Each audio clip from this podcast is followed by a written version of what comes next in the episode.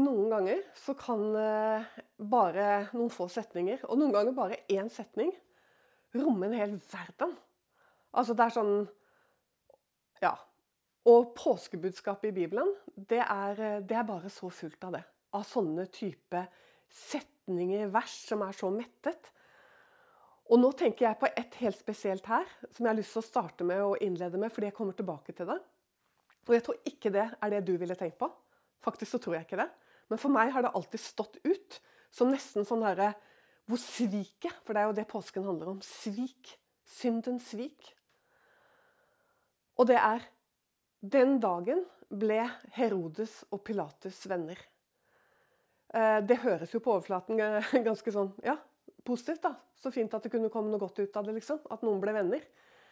Men det er liksom bare det, det er, Ja, jeg kommer tilbake til det.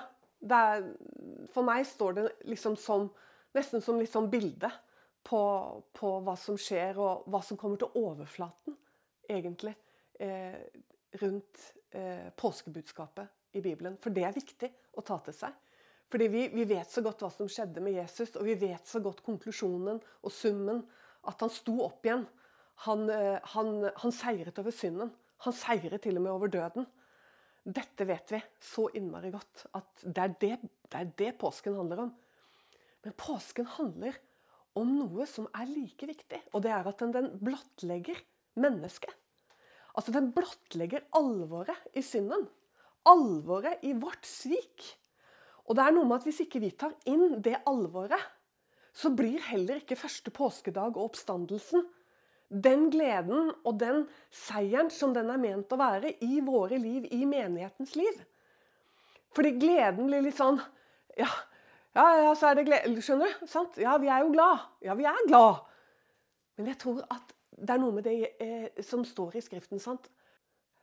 At, eh, du vet der hvor det står at eh, den som er tilgitt mye, den elsker mye. Det er Jesus som sier det. Og da kan man tenke liksom, ja, de ble tilgitt så mye, og derfor er de så mye, liksom, derfor har de fått så mye mer. For de var jo sånne fryktelige syndere. sånn, sånn, sånn, sånn type Ja, tenk på evangeliesenteret, der er det mye glede, for der var det, der var det så mange store syndere. Og vi har bare misforstått så totalt. Det er den som har sett sitt eget svik. For du vet at i Bibelen så er det ikke så interessant. Ja, selvfølgelig. Det er altså den prostituerte, tolleren, ikke sant eh, eh, Drankeren. Det er lett å peke, men du vet at det går jo så uendelig mye dypere. Og det er dette påsken blottlegger. Mennesket blir jo stilt helt naken. Er det noe rart at hele Norge rømmer til fjells, til Solo, appelsiner, Kvikk og hytta? Og, og Krim? For det er underlig. sant? Altså, Julen feirer vi på en måte litt kollektivt. Han kom ned, ikke sant? stallen, Betlehem. Vi takler det. Selv om det også har for det store hele blitt overtatt av nisser, så, så takler vi julen, liksom. Men påsken Og det er ikke så rart. Ikke bare det at det er et dramatisk budskap. Og, og, og, og man klarer ikke å forenes i første påskedag, og oppstandelsen, fordi man klarer ikke å å tro det.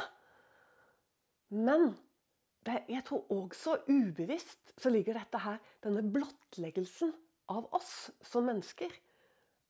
Det er, det er en tragedie, egentlig. Og vi må ta med den før vi kan eh, gå videre til første påskedag. Og det er det eh, jeg har lyst til å gjøre, og ikke slå av, liksom. For det tenker jeg at åh, svik og, og sånn har ikke jeg lyst til å høre på. Ikke slå av. Fortsett fordi dette gjelder deg og meg. Så la oss bare gå inn i materien. Eh, og det begynner jo egentlig Getsemane. Når, eh, når eh, disiplene de klarer ikke å holde seg våkne. ikke sant? Altså, Jesus er i enorm sjelekamp og, og, og forferdelig. Den største han noen gang har hatt.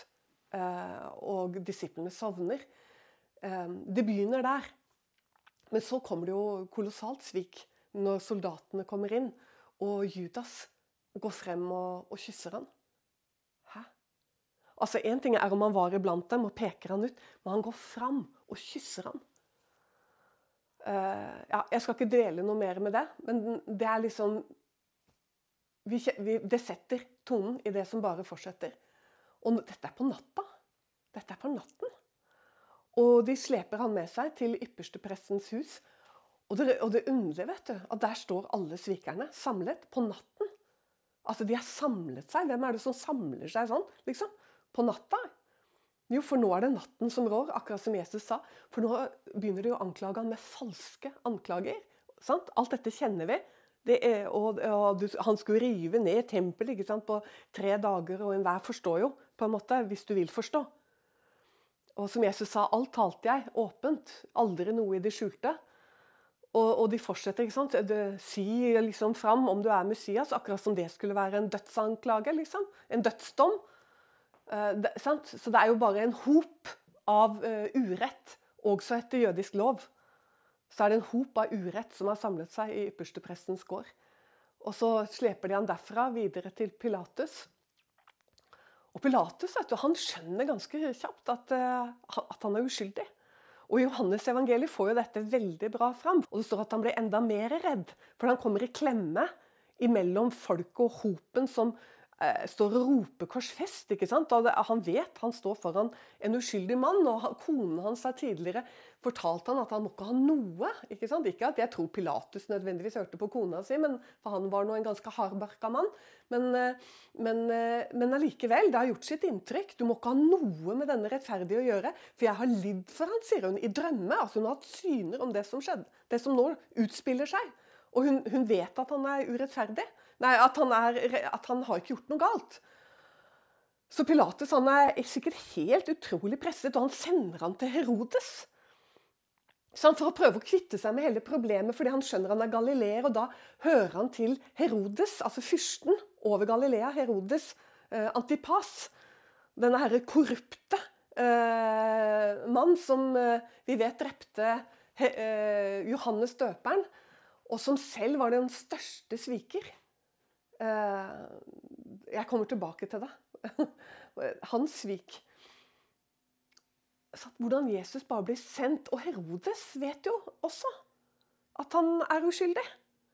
Så han, eh, han bare håner og spotter fordi han får ikke de miraklene eh, han vil ha. Jeg vet, egentlig så tror jeg jeg må bare si litt mer om Herodes med en gang. For jeg tenker, hvor mørkt kan det bli? Her står denne svikeren, synderen, som trenger denne frelseren som står foran ham. Og han står og ler og ber om et mirakel. Han som har sveket sin egen bror, tatt kona hans, gifte seg med brorens kone. Det er Og forlatt sin egen kone, bare dratt fra henne fordi han lystet etter Herodias, ikke sant? Denne stakkars broren hans som ble fratatt eh, arven, arveretten, etter Herodes den store, som var deres far. Han delte liksom riket sitt opp og satte tre av sønnene til fyrster, mens den fjerde han fikk ingenting. Og da, vet du, hun svikeren Herodias, da ville ikke hun være gift med han lenger. Så, så, så det er bare svik. Og han skal liksom stå og dømme Jesus, og det klarer han jo ikke. For han vet han er uskyldig. Men han håner han og spotter han sammen med sine folk og sender han tilbake til Pilatus. Igjen tilbake til Pilatus, som ikke klarer å stå opp mot mobben. Og som begår sitt livs svik, garantert. Foran en som er helt uskyldig, og som han vet og er vanvittig urolig for hvem han er, egentlig. Her kommer det bare Her kommer det sånn fram. Alle sammen. Det er som det står i apostlenes gjerninger om at i denne by så rattet de seg sammen, nå snakker jeg på godt norsk, både vårt eget folk og hedningene sant? og ypperstepresten og rådsherrene. Alle sammen. Det er virkelig en, eh, en storfortelling om svik. Men nå glemmer vi hans egne, og det er jo ofte det som gjør aller mest vondt. hva? Det er å bli sveket av sine egne.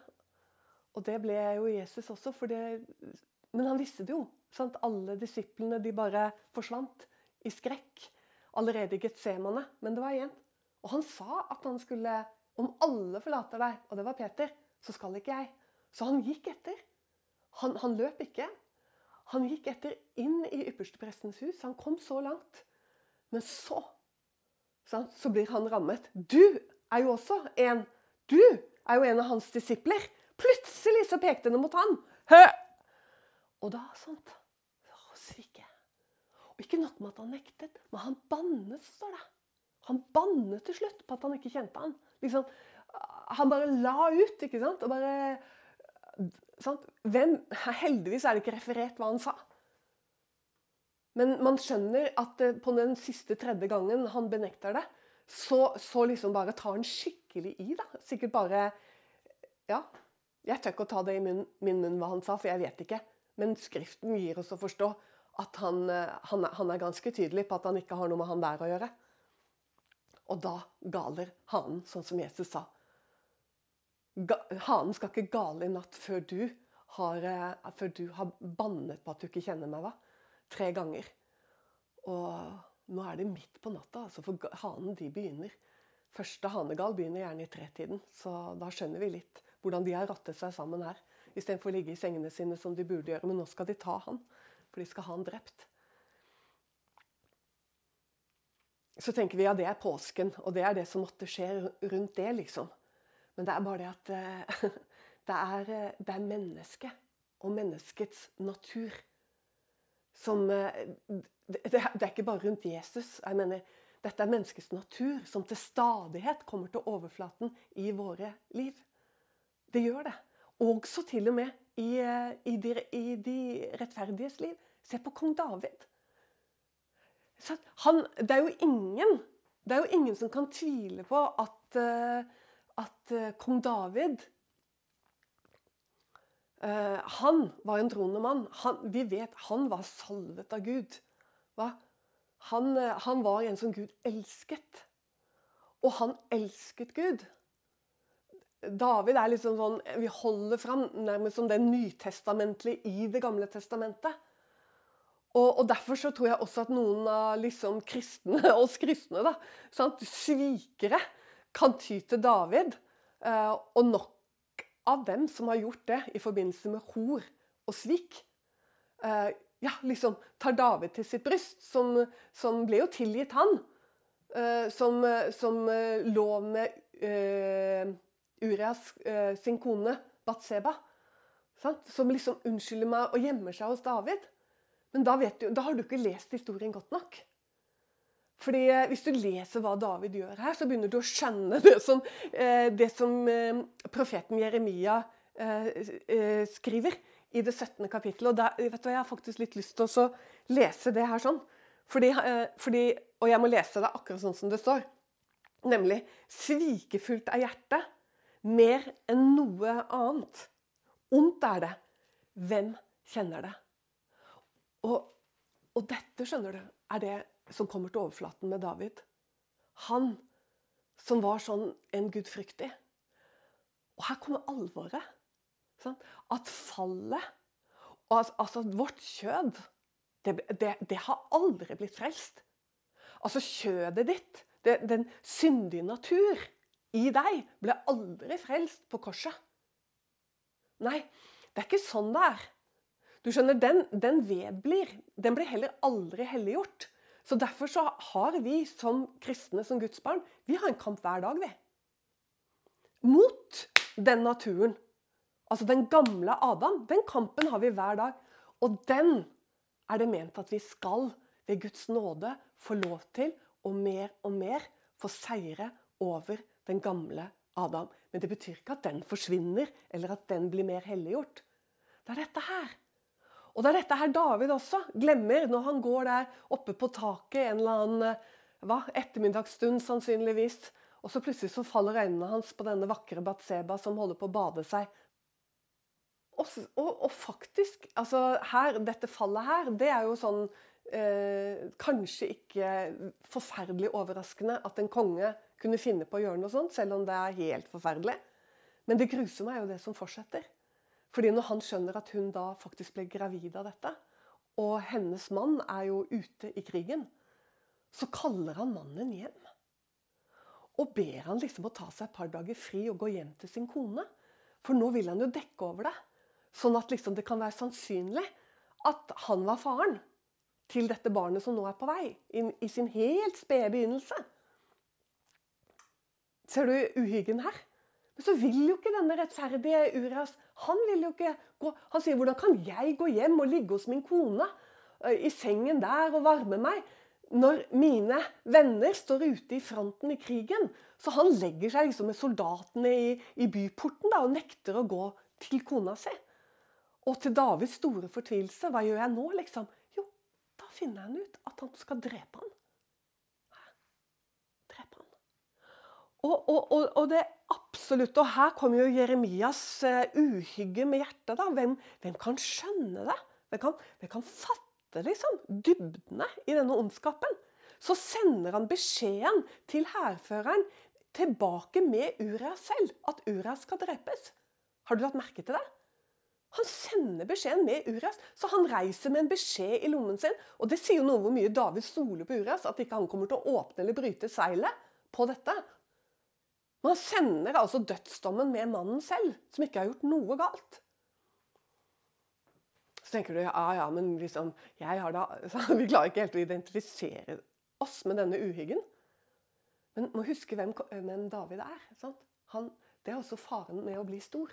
Han er, han er en vanvittig mektig person. Og her er jo faren med å bli svær. Det er jo også at faren for hva du kan komme til å gjøre. Jeg tror ikke jeg behøver å si noe mer om akkurat det. Så Uria, han, han, han dør jo, han, da. Han blir jo det blir jo beordret at han skal settes i en stilling og en post. og Derfor har vi Urias post. Og mange bruker det, den metaforen der sånn, Urias post, uten at de egentlig kjenner historien mellom David og Urias. Så kjent er den. Urias post. Du settes i en posisjon hvor du er dømt til å lide nederlag. Det er slik vi bruker det, men han var dømt til å dø i den posten, og han døde. Og så tar David rett og slett kona til seg. Sant? Ja, egentlig så var det jo for så vidt bra han gjorde det, men altså Råttenskapen her. Og da er det at Gud kommer til Nathan, profeten Nathan, og Nathan går til David og forteller denne historien vi kjenner. Sant? Så Eh, han har fått det fra Gud hvordan han, skal, hvordan han, skal, si det til David. Og forteller denne historien en lignelse om hva David selv har gjort, uten å si det med direkte ord. Og David feller jo dødsdom over denne mannen, liksom, som er han selv. Som er han selv. Og da kommer, det, da kommer disse alvorlige ordene. Uh, og det er det jeg vil at vi skal høre. Derfor skal sverdet aldri vike fra ditt hus. Det er konklusjonen til Nathan over det David har gjort. Han sier du skal ikke dø. Altså Herren tilgir deg. Du kommer ikke til å dø pga. For egentlig han, var det en dødssynd han har gjort. Men du skal ikke dø. Herren ser i barmhjertighet til deg. Du skal ikke dø, David. Men så kommer konklusjonen. Derfor skal sverdet aldri vike fra ditt hus, fordi du har foraktet meg og tatt hetitten Uras hustru som din egen hustru. Hæ? Sverdet skal aldri vike fra ditt hus. Og i neste kapittel så begynner det. Da begynner det. Og, og Davids liv, egentlig Jeg tenker litt sånn Disse ulike da, som jeg har hørt, som var litt sånn Ja, David fikk jo tilgivelse, sant? Og David, sant? Skjønner du? Og, og, for å forsvare nærmest sin egen urett, da. Men da, da, da, hopp, da går vi for fort fram. Fordi at eh, konsekvensene som David eh, fikk med seg i livet, pga. dette her sånn er, For det første dør dette barnet som Batseba bærer på. Det Er, men vet du hva? Det er nesten Det er bare begynnelsen. Fordi at det blir akkurat som Nathan sa. Det blir sverd. Og, og, han elsket sine sønner Absalon og Amnon. Og det ender med Ikke ender med, altså det er liksom første kapittel etterpå her. Så voldtar sønnen hans eh, sin halvsøster Tamar. Og det er eh, Da fortsetter vi svik, dere. Det er, det er sånn utrolig svik mot denne eh, jomfruen Tamar, som vil hjelpe han å stelle for han når han er syk, og han har planlagt at han skal voldta henne. Og, og, Vi leser om Tamar som går ut og kaster aske over seg og river klærne sine i stykker. Så står det til og med at Ammon, altså David, Davids sønn, altså, så står det han elsket henne så fælt. Begjæret henne. Han voldtar henne. Og når han har voldtatt henne, så hater han henne etterpå. Og jager henne ut av huset. Kaster henne ut. Og Absalon, som er helbror til Tamar, han legger nå Ammon for hat. Et sånt hat. Så han planlegger hans død allerede fra det øyeblikket han treffer Tamar, og han dreper han to år etterpå. Så vet du hva? Og her fortsetter det, for det gjør at eh, Absalon rømmer fra David. Og det fører du må bare lese videre, det fører inn i så mye vondt og så mye smerte mellom David og Absalon, som aldri blir lekt. Absalon dør til slutt. David får aldri trøst. Hvorfor sier du alt dette, Eva? Dette er jo bare jammer på ja, Ja, men vet du hva? Dette er som Jeremia sier, eh, dette er hjertets svik. Og i Nytestamentet så sier Jakob, rens hjertene, dere tvesinnede. Og Han sier ikke dette til, eh, til eh, hva skal du si, til de de der ute, liksom, de ikke-troende. Han snakker til menighetene. Rens hjertene. For det er nemlig sånn at syndens svikefulle natur den bor i oss. Og den kan få oss til å gjøre ting som vi faktisk kan glatte over. Litt sånn derre Herodes og Pilatus-stil. Fordi de, ikke sant, Som jeg sa, på overflaten ser jo dette ganske greit ut. At, at det kunne komme noe godt ut av alt dette. At de ble venner. Ja, men, men det er jo bare et uhyggelig vennskap. Fordi både Pilatus og Herodes hadde makt. Eh, Menneskelig sett. Vi vet at uh, fordi Gud tillater dette, så, så, så, kan de ikke gjøre noe. Men menneskelig sett så hadde de likevel makt til å sette Jesus fri. Både Herodes og Pilatus. Pilatus ga jo over hele dommen til Herodes. Du, Herodes, bestem dette, du! Herodes visste han var uskyldig. Han kunne, han kunne frigitt han der og da. Men nei da, han sender den tilbake og lar Pilatus få lov å ta denne. Er Herodes er livredd. Ypperstepresten og rådsherren og alle disse herre. Selv om denne edomitten Herodes han er redd ham. Han er redd for opprør i Galilea. Han, han vil ikke ha noe opprør. Sant? De, de, de svikter han. Og det er dette det er, det er, akkurat dette som også kan skje. Ja, kan skje. Altså hjertet. Det er helt nødvendig å, å, rense det. Det er helt nødvendig å ta påskens budskap på alvor hvert eneste år. Og ta påskens budskap med deg hver eneste dag. For vi har en kamp mot denne naturen. Jesus han sa noe som ligner på dette Herodes Pilatus. Eh, eh, sant? Han sa det. Hvordan kan dere tro, sa han. Dere som tar ære av hverandre. Og her ser du hvor dypt troen går. For du vet at Jesus sier også at når han taler om synd, så sier han 'den som ikke tror på meg'. Og så sier han her 'hvordan kan dere tro, dere som tar ære av hverandre'?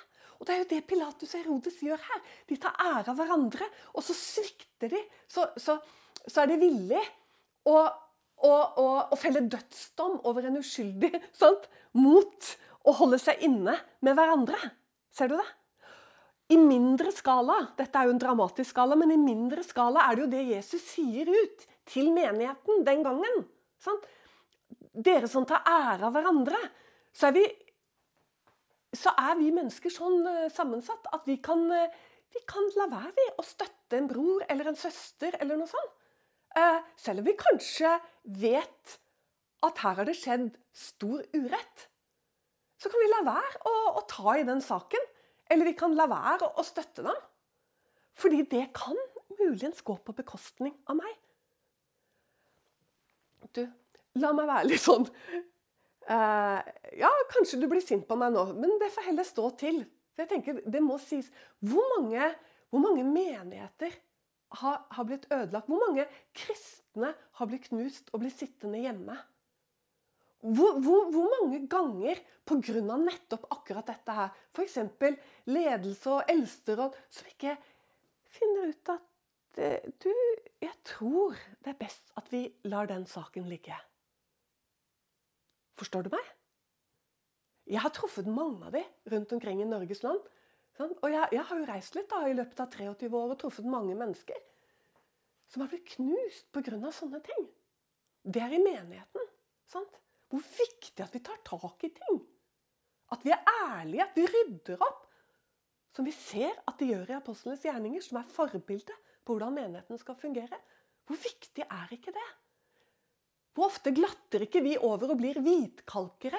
Som sånne som Jesus snakket om på den tida. Det var farisere, men farisere er ikke en egen rase. Farisere er sånne som glemmer å rense hjertene. Det er farisere. De renser ikke hjertet. De gjør ikke ordentlig, tar ikke ordentlig tak i ting. Sånn at når det også ikke gagner meg, så må jeg. Sant? Og det er alvor også med å være leder og eldste. Sant? Det er jo dette her at eh, det er ikke hvem som helst som skal være det. For da må du virkelig kunne bære. Da må du virkelig ha tatt Jesu Kristi åk på deg. For du må kunne, du må kunne bære. Det er ikke sånn at du kan fly rundt og sørge for at du får liksom, sånn, at du har fått folk med deg. da. Sånn at nå er du trygg. Det er ikke det det er å være eldste. Nei, det er å vokte fårene, det. Og så er det å, å, gi, å, gi, dem mat. Gi dem rett mat i rette tid. Og så er det å vokte det. Og da må du noen ganger bli ganske utsatt selv. Og det betyr jo selvfølgelig ikke at liksom, man skal begynne sånn Ja, hvem kan da være leder, og hvem kan da være eldstebror, liksom? Det er jo ingen som er fullkomne. Nei, det er ikke, dit, det er jo ikke der vi er. Men Paulus sier liksom noe om at uh, Han sier noe med dette her at mine barn, som jeg atter må føde med smerte, inntil Kristus vinner skikkelse i dere. Og det er vel akkurat dette da, at uh, Siden det også het eldste, og heter også fortsatt mange steder eldste, så ligger det dette i det. Eh, at, eh, at, ja, det er, nok, eh, det er nok litt lurt, da. At Kristus har fått vinne mer skikkelse. Og for det er virkelig ikke hvem som helst som skal sitte her, selv om man selvfølgelig ikke kan eh, liksom sant? Som jeg sier, da, det er jo ikke det det handler om. Å være liksom fullkommen og sånn. Men eh, kanskje mest det handler om det og, og virkelig har, har, gått en vei og kjenner, kjenner sitt eget svik. Kjenner, har kjent på den vandringen av, sant, av, vår menneskelige natur og det å måtte leve og kjempe. Sant? Troens kamp. Det tror jeg er utrolig viktig. Både at det tales mer over dette, og at eh, ja, at man skjønner alvoret i det hvis man skal være leder i en menighet. Det, det, er helt sikkert. Og det er jo dette sånn Svik Det er nesten synonymt med synd. da. Altså, for vi kan tenke sånn synder, den synden og den synden, og han er en synder og hun er en synder. Nei, svik det er det som er synden. Det er det hjertet, det svikefulle hjertet. Det er det som er selve bunnen og grunnlaget. Og ofte er det jo fordi vi ikke tør å stole på Gud. sant? Og det ser jo Jesus. sant? Han, derfor kunne han gå på korset, fordi han elsket oss sånn. For han visste hvor små vi var, hvor ynkelige vi var, hvor sårbare vi var. Fordi vi turte ikke å stole. Vi turte ikke vi, vi, sant? vi var så redde. Og da må du, liksom for å virkelig kunne stå i dette, så må du ha fått tryggheten sant? om at du er elsket av Gud. Du er sett av Gud. Jeg tenker på når jeg ble frelst. Jeg så ikke først min egen synd altså mitt eget svik, men jeg så andres svik.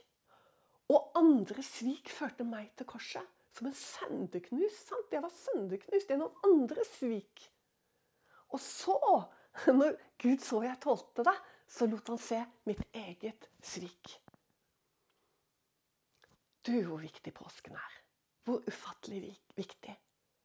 Det er, det er en høytid hvor sviket kommer til overflaten. Sviket i våre hjerter.